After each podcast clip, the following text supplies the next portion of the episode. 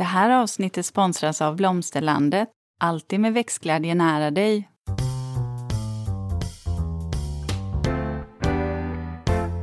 Välkommen till Ulrika och Lindas trädgårdspodd och det är jag som är Linda Kjellén, trädgårdsmästare. Och det är jag som är Ulrika Levin. Och idag, kära lyssnare, så ska vi prata om färgning ja, med växter, alltså växtfärgning. Mm. Det här är ett ämne som eh, jag har eh, lagt ner på önske, eller lagt ner i önskelådan och så har vi ryckt i ämnet och sagt nu tar vi det.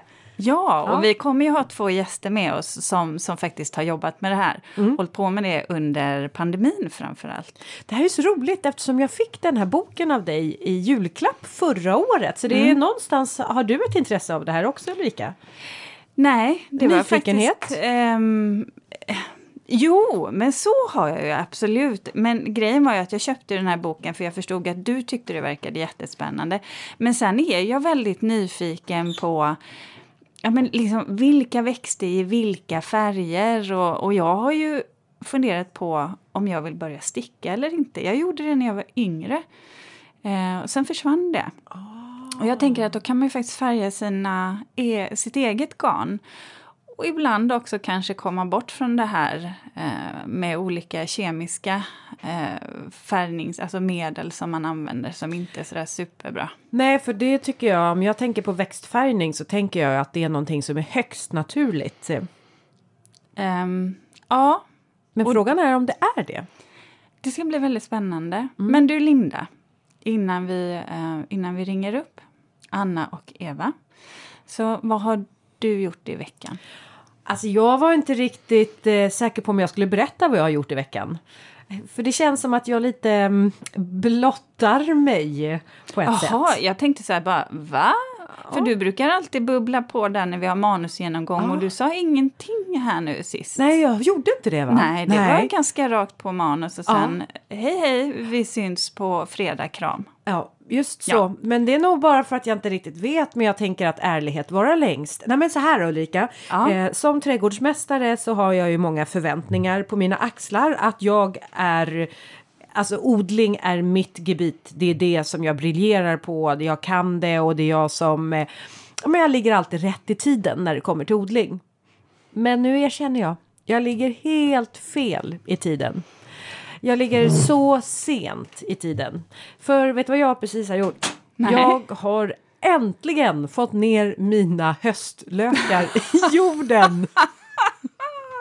Och var det de där tulpanerna eller, som kom alldeles, alldeles för sent? Vad var det?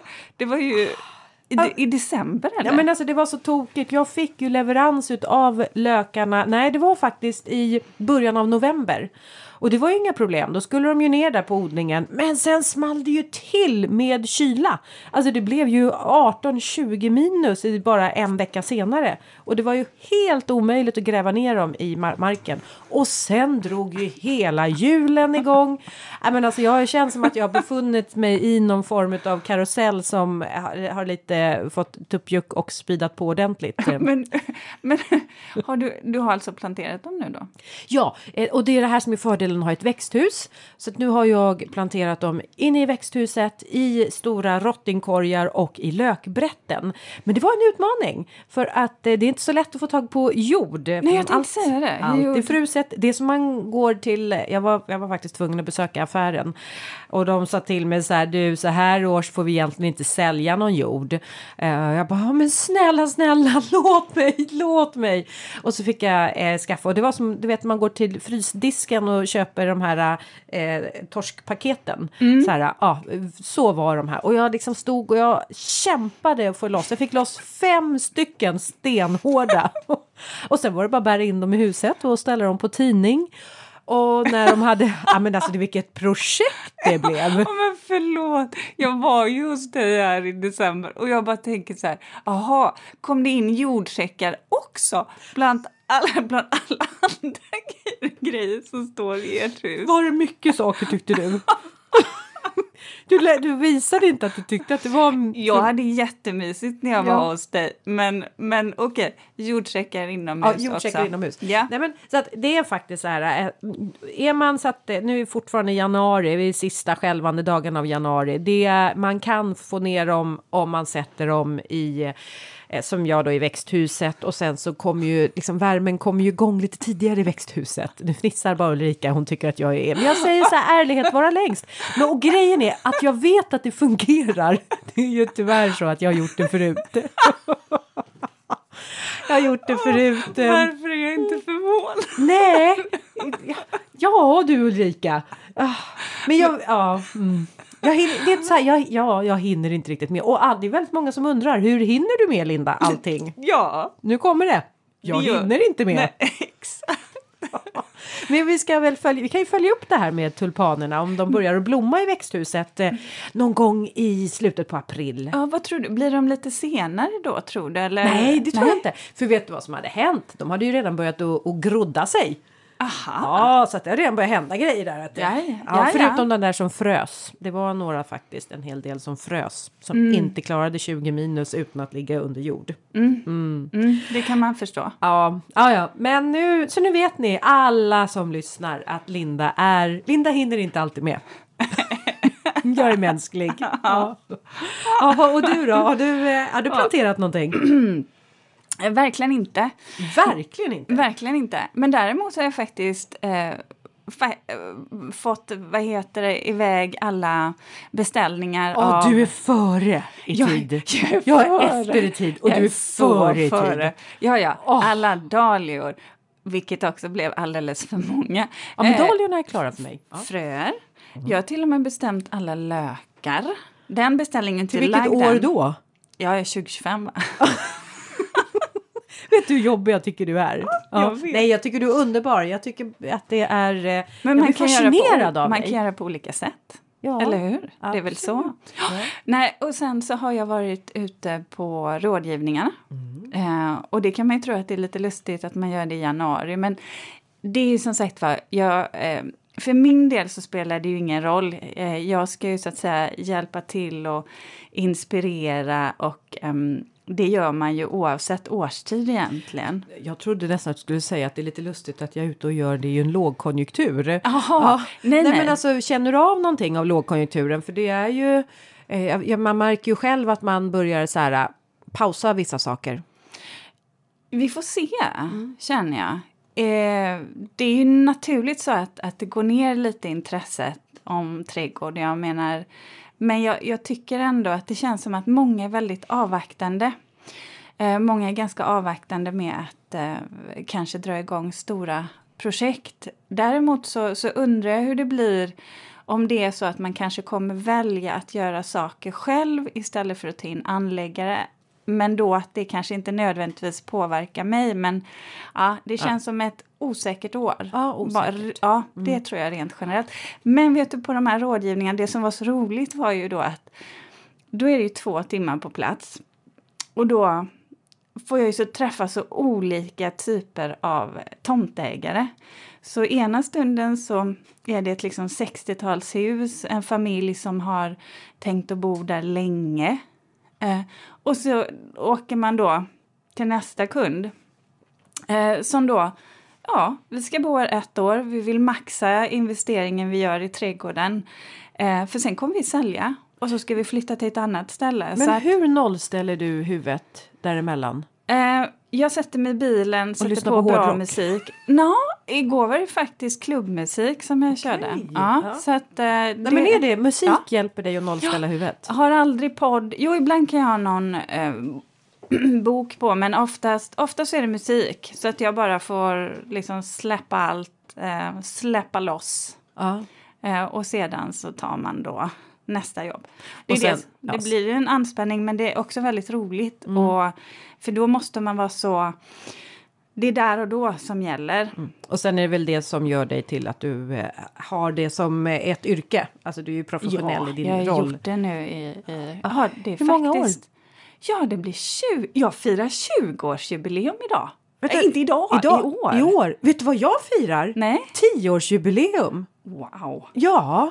Så vi har ett jubileumsår. Då blir det champagne nästa gång jag kommer till Åsby. Ja, det får vi nog ordna. Och du, är ja, det tre år det, vi har poddat? Det är faktiskt, jag kommer ju tre på lördag. Ja, just det. Mm. Det gör du. Mm. Ja, just det.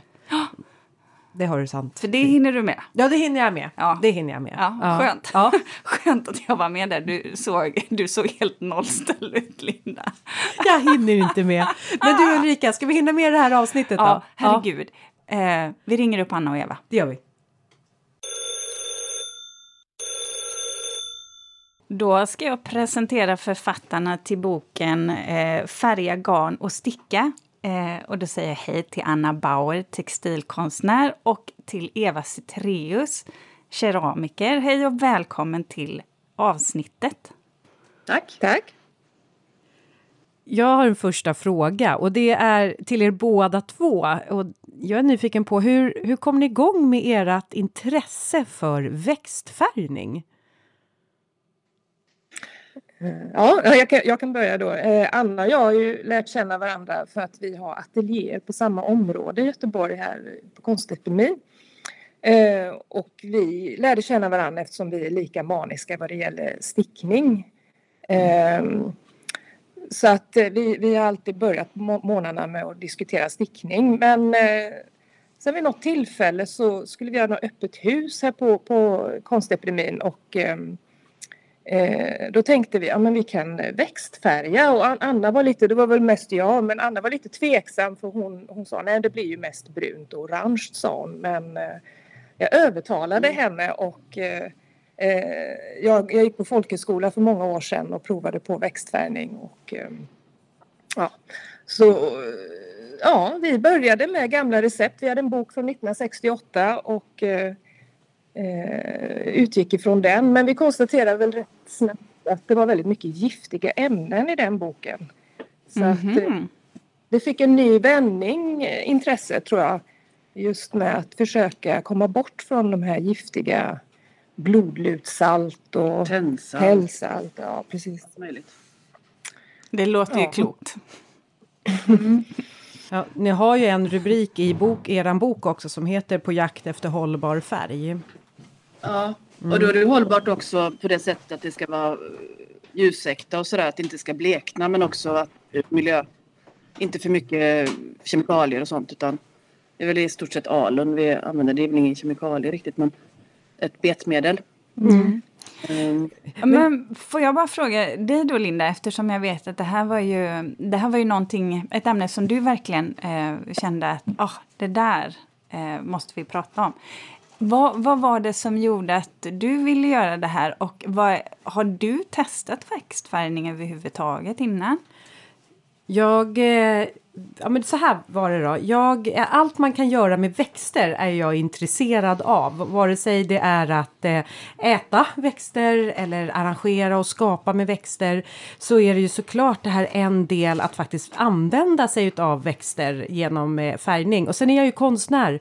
För mig är ju färger, det är ju livet. Eh, och att då kunna använda sig av växter och skapa färger, för mig är det liksom den ultimata eh, kombon som eh, konstnärlig trädgårdsmästare.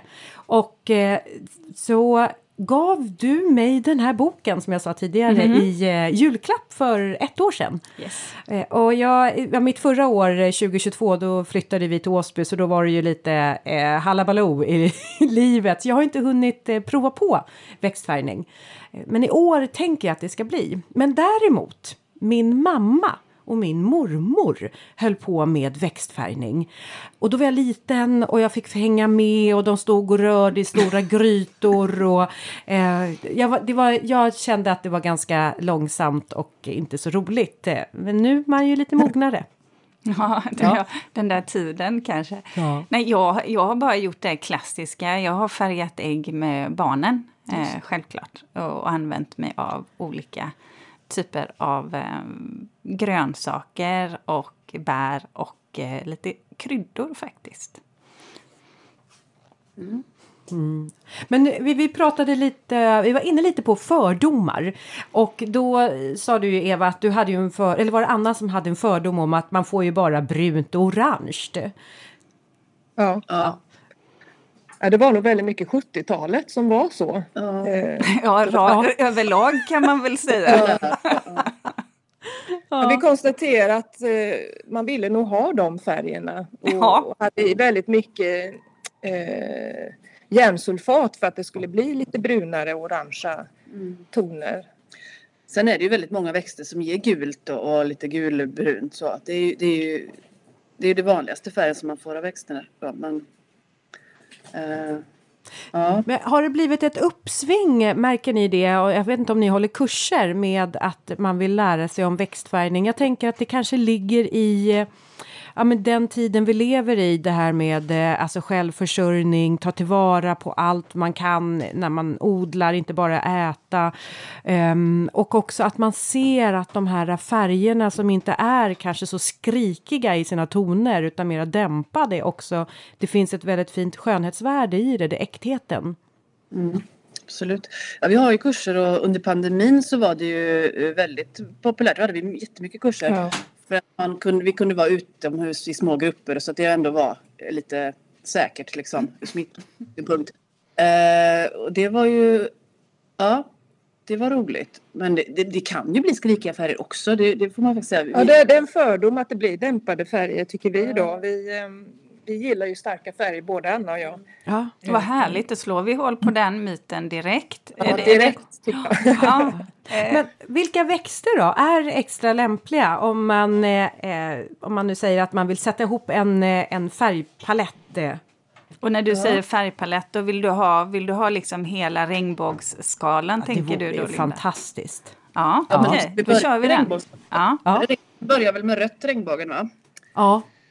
Och då har vi ju krapp som har använts som färgämne ända sedan ja, bronsåldern tror jag. Alltså jättelänge och den är väldigt eh, färgäkta.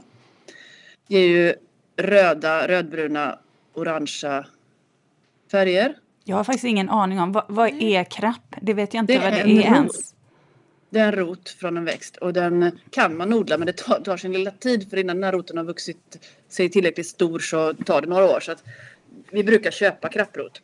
Ah, ja, okay. är, det en, är det en inhemsk växt eller är, är det något som man...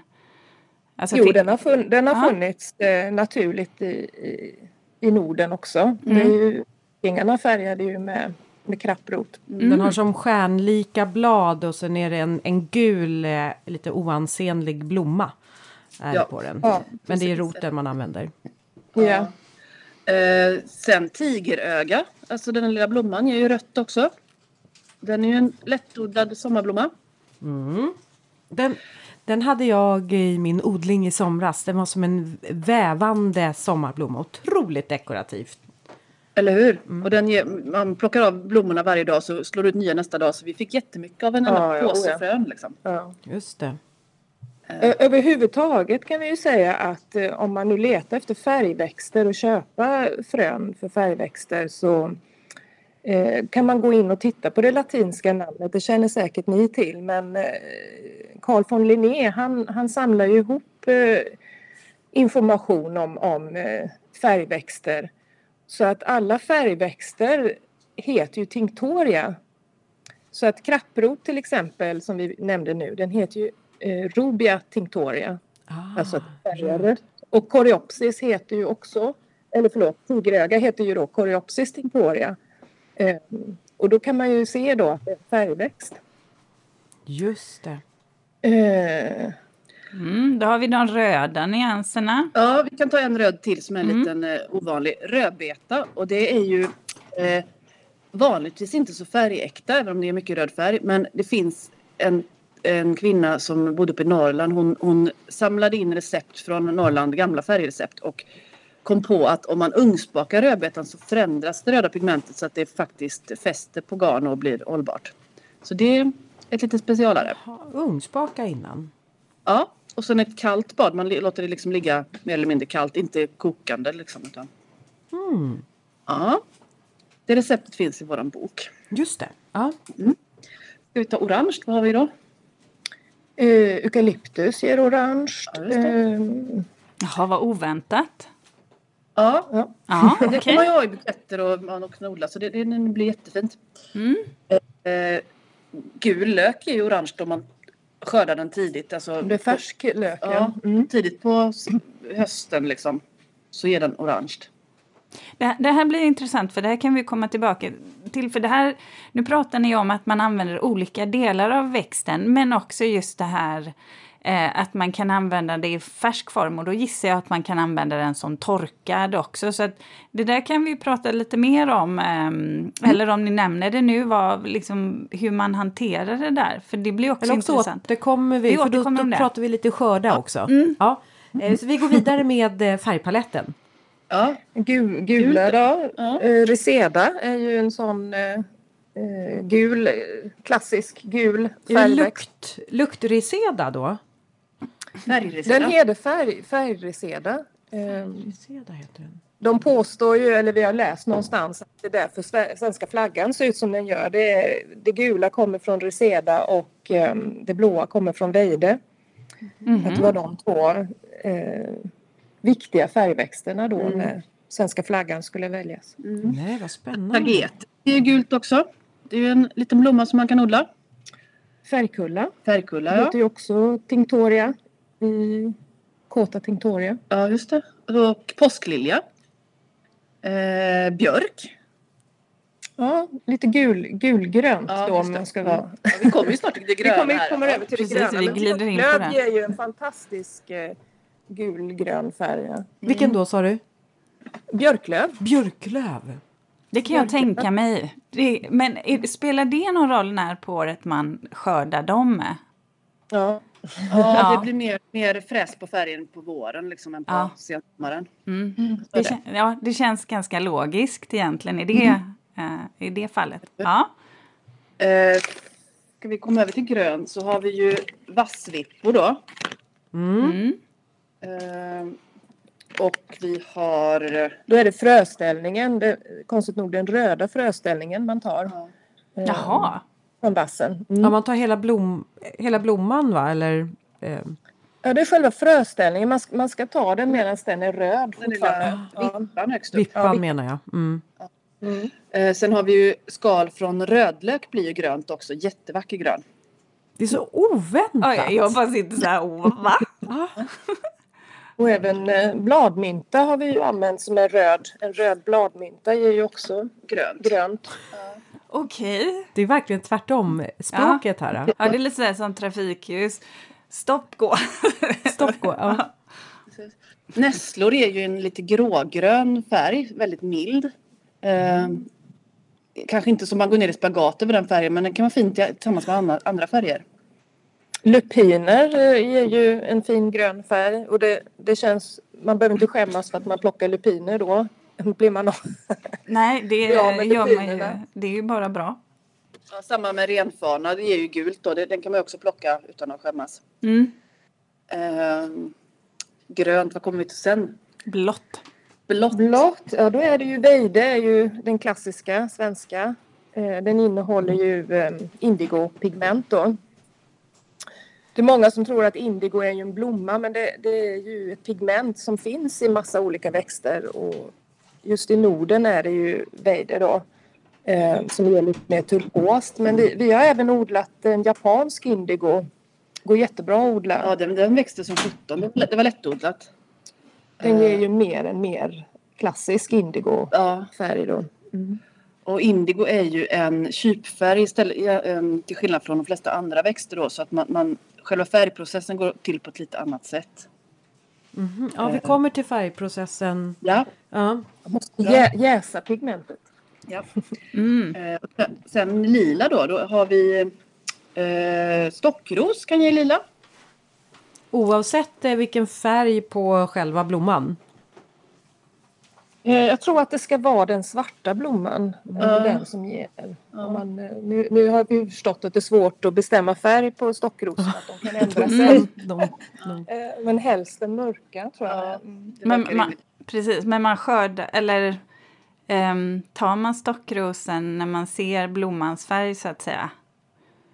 Ja, man tar blommorna ja. ja. Mm. mm. Rödkål kan också ge lila beroende på vilket pH-värde det har.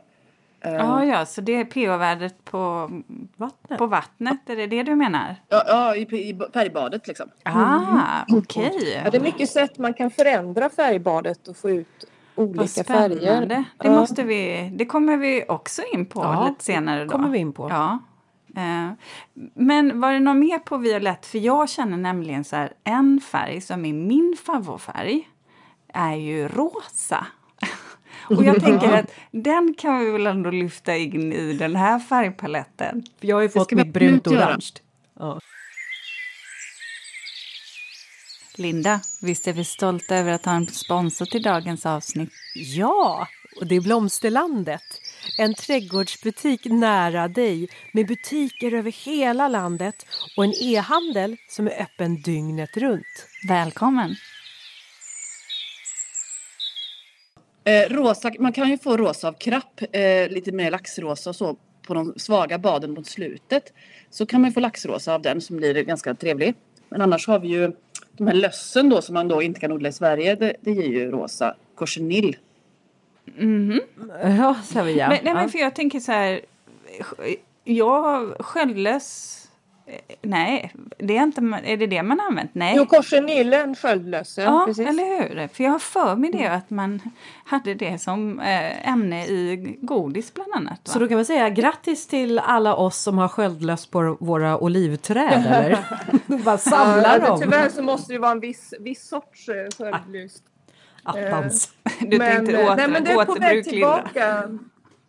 Korsenil är ju på väg tillbaka igen har fått en uppsving igen i och med att man inte vill använda såna här ja, så kemiska, mm. Mm. kemiska färgämnen i både smink och, och mm. godis. Som du ja, sa. precis. Det var väl då det, de kom på tapeten. Det var ju en diskussion just där. Och det är väl bara bra, höll jag på att säga. Ja. Varför ska vi eh, använda oss av giftiga ämnen när det finns andra saker att tillgå? Det är ju lite hål i huvudet någonstans. Vi pratade tidigare innan vi började spela in att du Anna, du var ju väldigt intresserad av växter. Men Eva, du var intresserad av svamp. Vad har vi för svampar? Ja, ja. ja. ja men det blev så när vi började med växtfärgningen och, och um, vi skulle börja skriva den här boken så upptäckte vi att man, man kan ju färga med svamp också. Uh, och då finns det ju en kvinna uppe i Norrland som heter Gördis Lundmark heter hon mm. Som, eh, som är mykolog som hade ja, gått in för, för det här på kemisk nivå nästan ehm, med prova svampar och få färger och hade fått hela färgcirkeln bara från svampar. Så att, um, Hon har skrivit en fantastisk bok om det som, som um, heter Ja, det heter väl svampfärgning? Ja, det är ja. bara så. Ja, den är fantastisk. Och då, och då tyckte, ja, i alla fall jag gick ju igång på det här med att gå ut och plocka svamp för att eh, i alla fall här i Göteborgstrakten kan man glömma att plocka trattkanter eller för att eh, det är så många andra som är ute och plockar dem. Men mm. de här färgsvamparna är ju ingenting man äter. Eh, så att då kan man ju plocka korgen full eh, med svamp. Mm. Och man kan få fantastiska färger. Det finns en liten, liten svamp som heter eh, eh rödskivig kanelspindling. Eh, ganska oansenlig svamp förrän man vänder på den. Den är knallröd undertill och man kan få fantastiska röda färger av, av den här svampen. Och när vi började läsa på och plocka och samla den här svampen så visade det sig att det finns en, en internationell förening för bara den här svampen. Jag älskar den här svampen. Eh, och de har till och med, vi kontaktade dem, vi fick till, de har till och med en liten, eh, vad heter det, musikslinga. Ja, en sån här, egen sång. En egen sång för sin svamp. Oj. Eh, så vi tänker att någon gång nu när pandemin är över så ska vi kanske åka på en sån konferens. Mm. Eh, Svampkonferens, ja. Ja men just, just bara för den här svampen ja. också. Ja. Eh, men, men jag börjar fundera lite på, det, alltså svampar och det kan väl gälla växter också. Men kan det vara så att, alltså hur blir den här dekokten sen då? Alltså kan det komma, är det något som kan vara farligt, giftigt, ångor? Eh, det är ju ändå så att säga sak, ämnen ändras ju lite ibland när man eh, behandlar en svamp till exempel. Det blir ju kemiska föreningar eller förändringar kanske jag ska säga. Ja. Är det, är det någonting som man ska vara extra varsam med? Alltid ha bra ventilation när man växtfärgar och helst vara utomhus faktiskt. För det luk- en del, vissa saker luktar gott som eukalyptus, vissa luktar ju prutt liksom. Ja. Ju...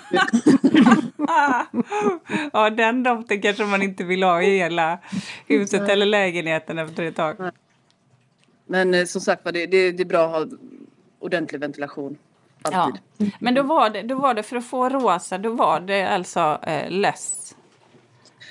Ja, det är väl den mest färg, färgsäkra rosa. Hur får man tag på löss? Alltså vadå, beställer man löss, löss på eh, postorder? postorder ja, på nätet? Man, man beställer torkad löss. Ja. Eh, det ser ut som grus ungefär när det kommer.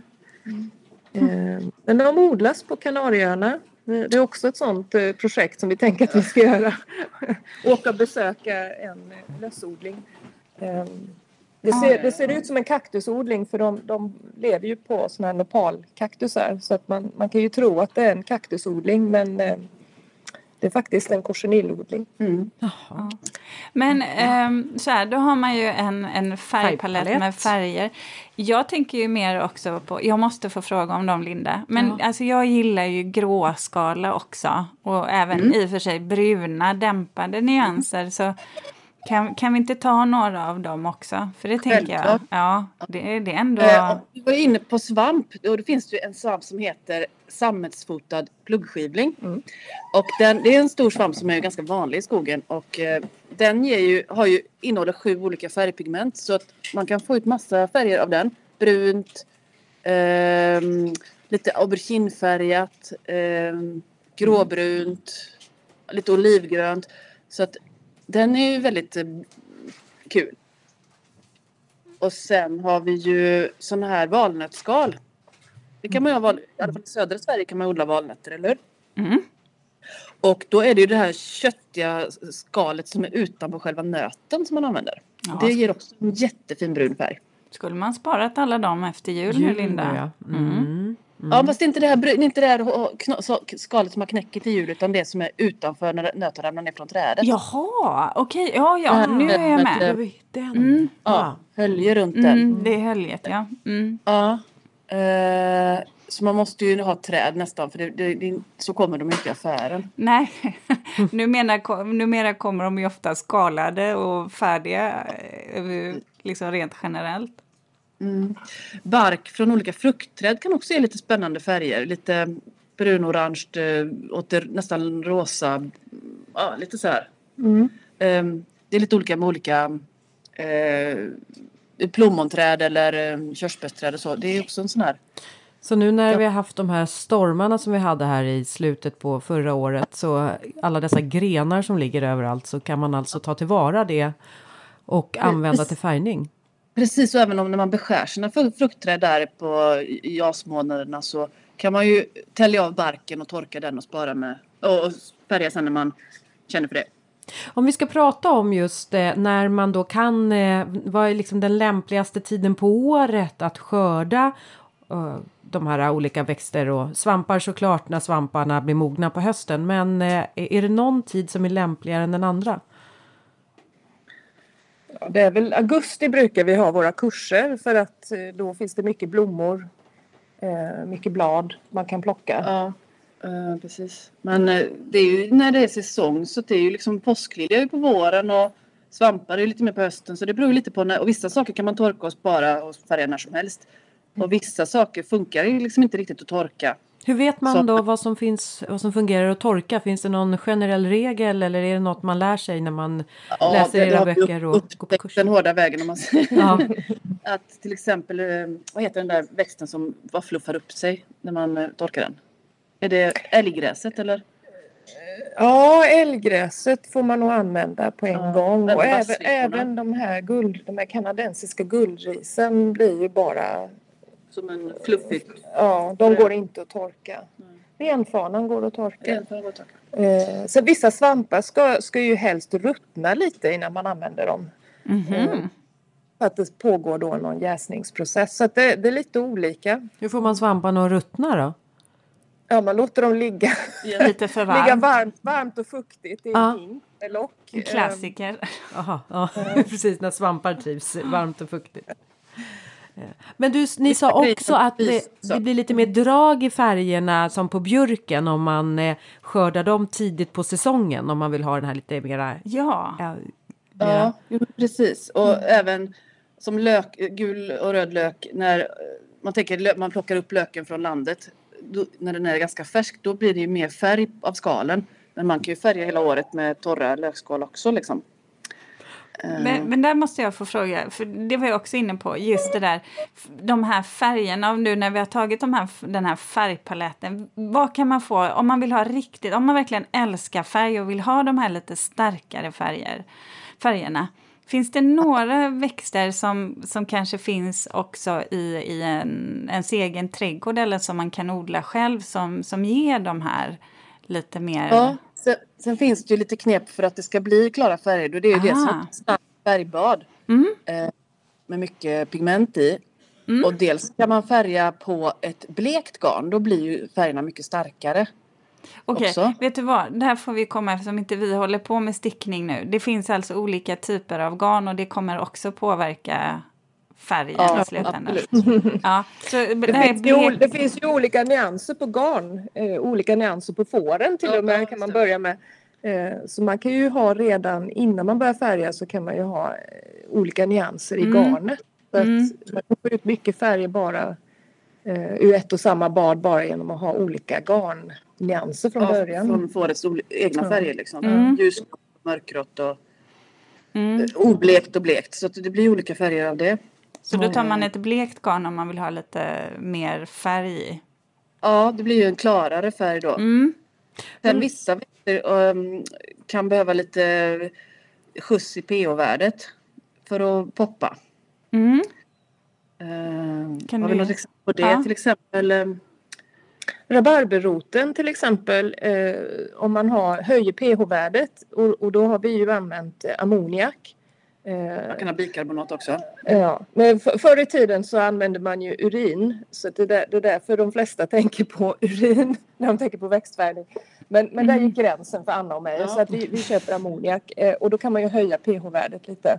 Ja, Och då, ja, det behövs bara någon liten kork så, så får man de här riktigt röda färgerna då av rabarberroten. Så att annars blir det grönt. Mm. Så att man eh, Eh, justera lite eh, uppåt med pH-värdet och även sänka då vissa korsenillen till exempel tycker jag om ett lågt pH-värde om man vill ha riktigt rosa-rött. Ju- Nu tycker jag vi börjar närma oss utrustning, vad som behövs.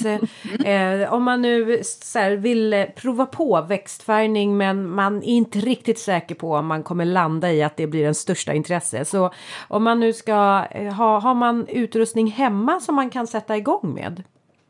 Eh, delvis kan man ju ha det, för, men det är bra att inte använda sina matkastruller till växtfärgning faktiskt. En stor kastrull som är oöm och, och helst i eh, rostfritt stål eller emalj är bra. Mm.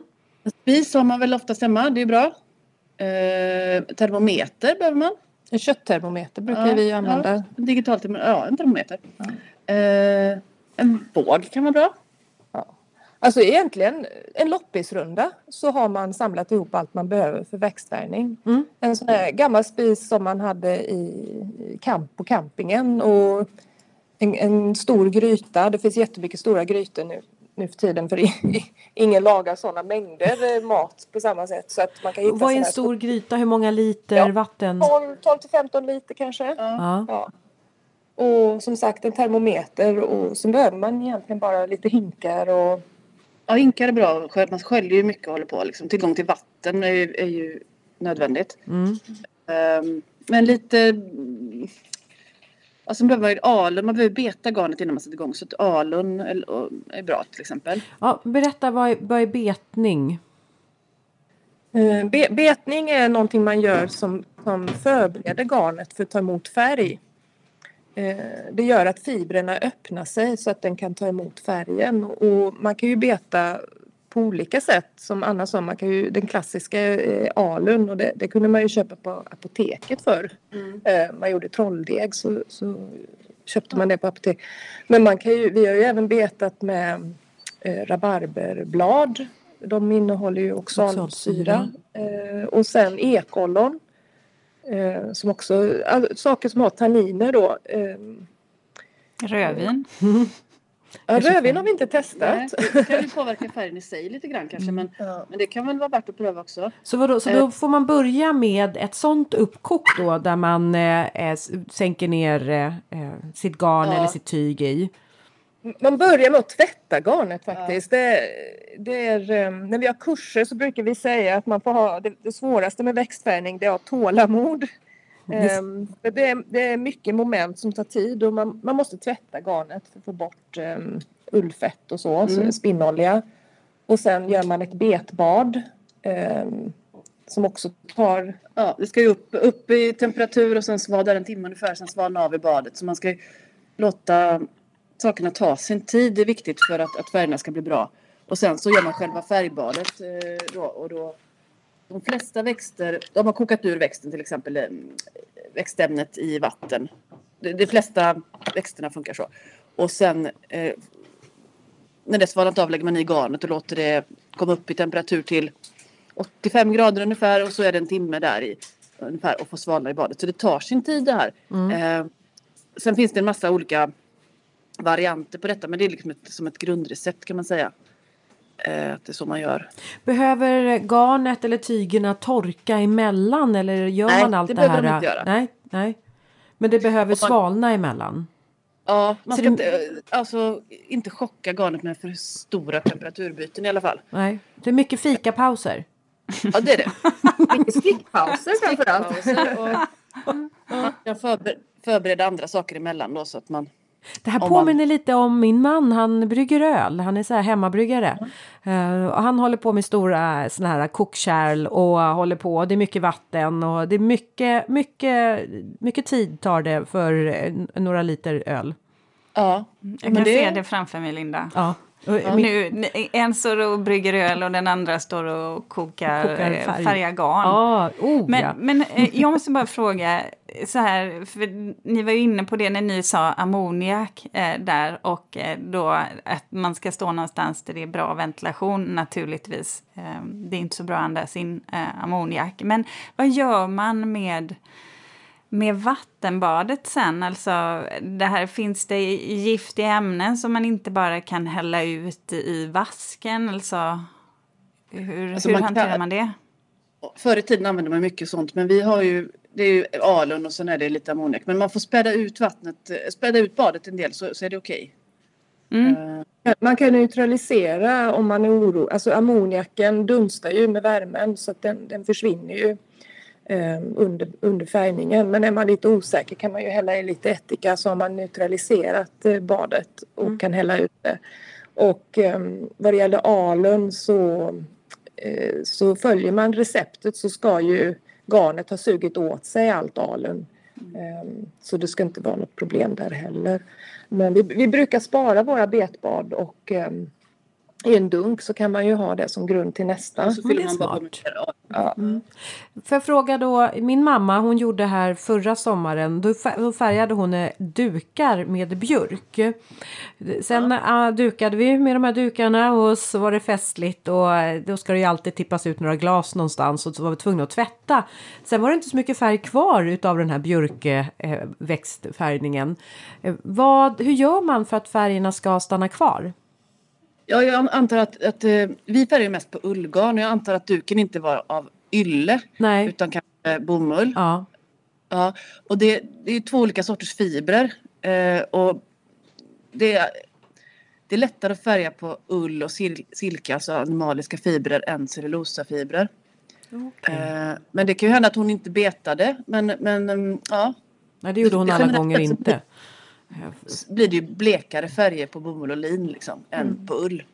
Men det är betningen som gör att färgen blir färgresistent eller att den stannar kvar när man tvättar?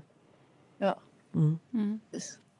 Mm. Sen, sen, har det ju varit väldigt noga, eller vi har varit väldigt noga Anna och jag med Eftersom vi stickar med garnerna, vi vill ju inte att man har stickat en flerfärgs stickad tröja och sen eh, efter ett halvår så är den samma färg Nej. eller färgerna bort eller så. Så att vi, vi har ju bara valt eh, recept som vi vet kommer hålla med ljusäkthet och mm. eh, så de har ju legat i, i ett fönster och eh, vi har testat dem. Har ni några varsina färgrecept som ni vill dela med er utav? Ja, ja absolut. Mm. Det kan jag, jag, jag, min, en av mina favoriter är ju krapproten då och den ger ju rött, rödbrunt beroende på temperatur. Så det är ju en växt man kan få ut många nyanser av. Har man en ett, ett låg temperatur så blir det mer rött. Har man, höjer man temperaturen blir det mer brunrött. Och sen kan man ha i en flaska öl i ja. så blir det... Kommer man in igen, ölbryggan? Ja. Vad sa? Ja, då kommer han in där igen, ölbryggaren. Ja, visst, sa jag. Ja, det är ja. fina samarbeten här. Ja. Eh, sen på slutet när det inte är så mycket pigment kvar i, i badet så kan man ha i lite citronsyra så får man en riktig knallorange. Mm -hmm. Wow! Sista, ja, sista pigmentet. Mm. Så det är kul. Ja, men, mm. Tack för det receptet. Ja, det var Annas, ja. eller hur? Mm. Nu kommer Evas.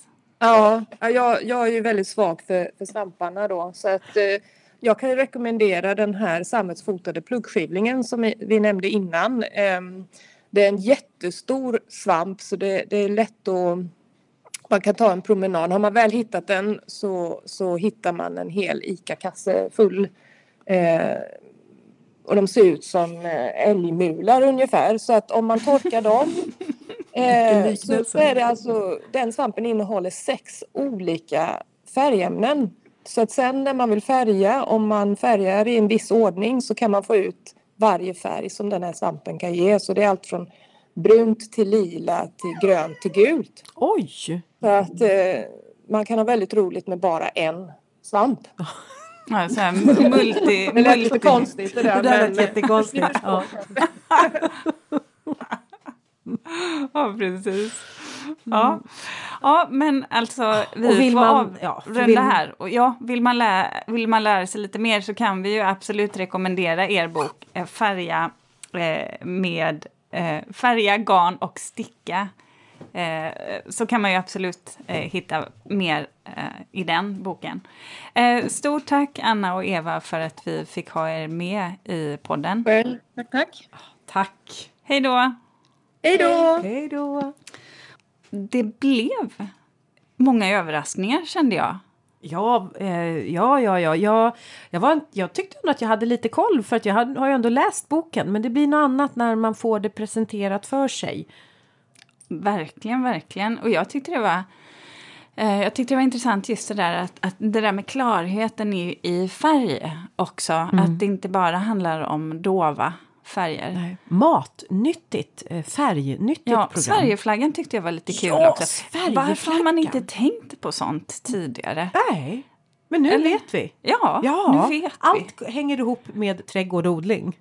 Uh, ja, ja, tänker jag. Vi, precis, jag tänker det får stå för sig.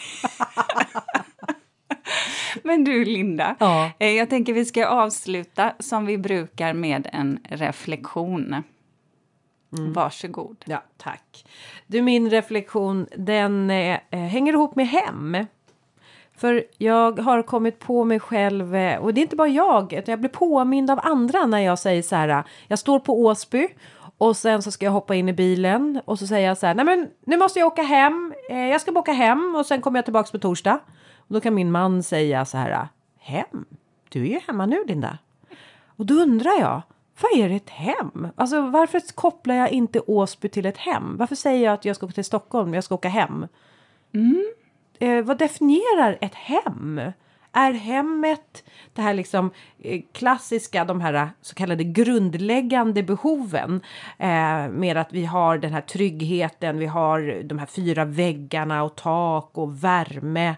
Eh, eller är ett hem där man har sin familj och sina rötter rötter och sin släkt? Eller är ett hem bara där man har samlat sina ägodelar? Vad är ett hem för dig Ulrika? Vilken bra fråga. Jag, när du säger det så tänker jag på när jag flyttade till, till vårt hus i Bromma. Hur lång tid det tog innan jag kände att det verkligen var hemma. För mig hade det handlat, och då var det bara jag och maken i början. Eh, men, ja, men innan man så att säga, jag förstår precis vad du menar, innan man så att säga landar själsligt i i att man är hemma. Mm. Och jag vet, eh, tror du att det har någonting med att, att också dina barn helt alltså väldigt snabbt då flyttade hemifrån, alltså båda två på en gång. Jo, för när de kommer till Åsby, då blir jag så här, åh, alltså då är det så här, jag får känslan av hem när jag har dem runt mig. Så jag tänker att det är nog väldigt kopplat till familjen. Mm. Men jag ska också säga att det var, hände en sak här under jul.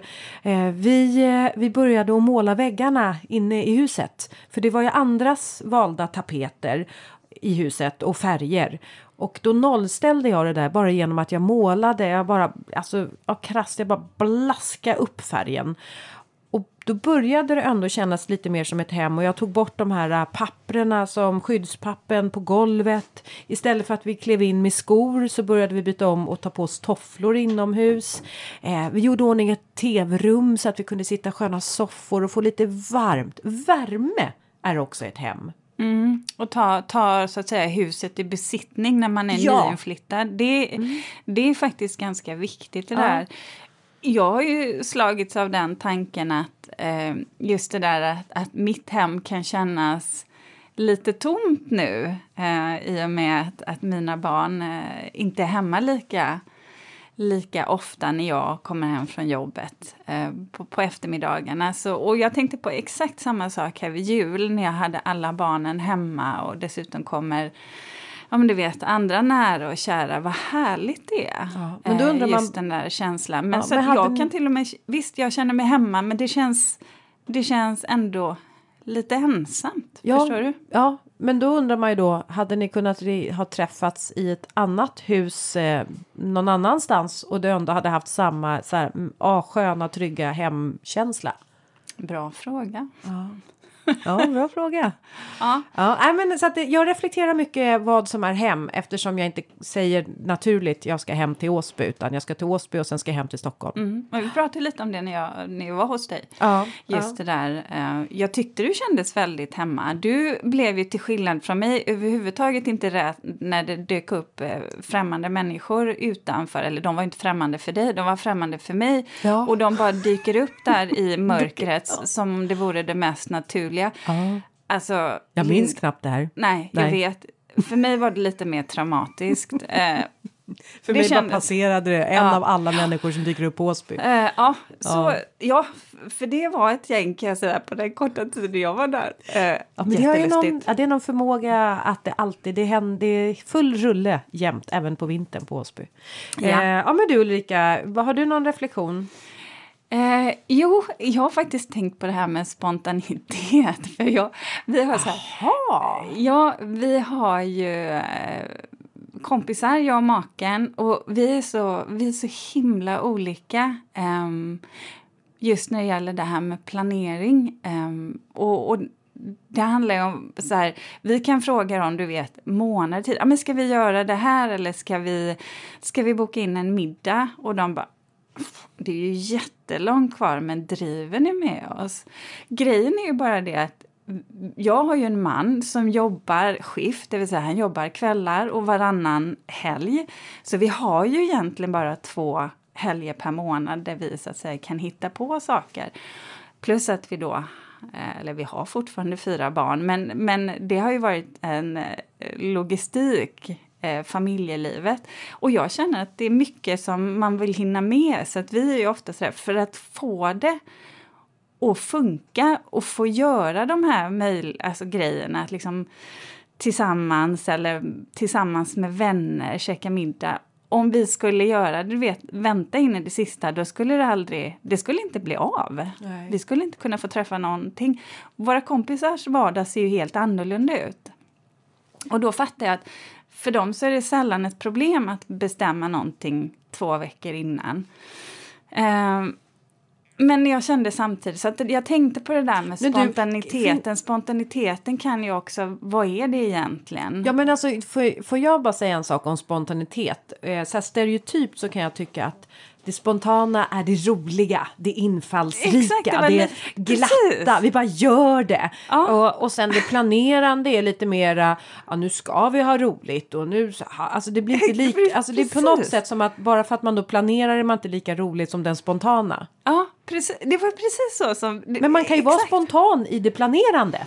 Ja, för det handlar inte om att man strukturerar upp varje sekund, utan jag tänkte mer på det som så här att Nej, jag möjliggör. Och, ja. ja. jag möjliggör, det vill ja. säga att man skapar möjligheter. Så nu har vi bokat in resa med kompisar, vi har bokat in middagar.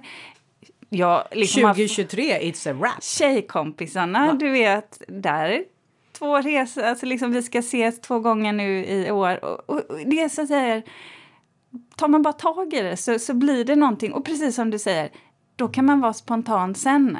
Eh, för annars så vet jag att jag hade inte fått gjort några av de här roliga sakerna med de här underbara människorna som jag verkligen vill umgås med. Så det ena behöver inte förta det andra? Exakt, Linda.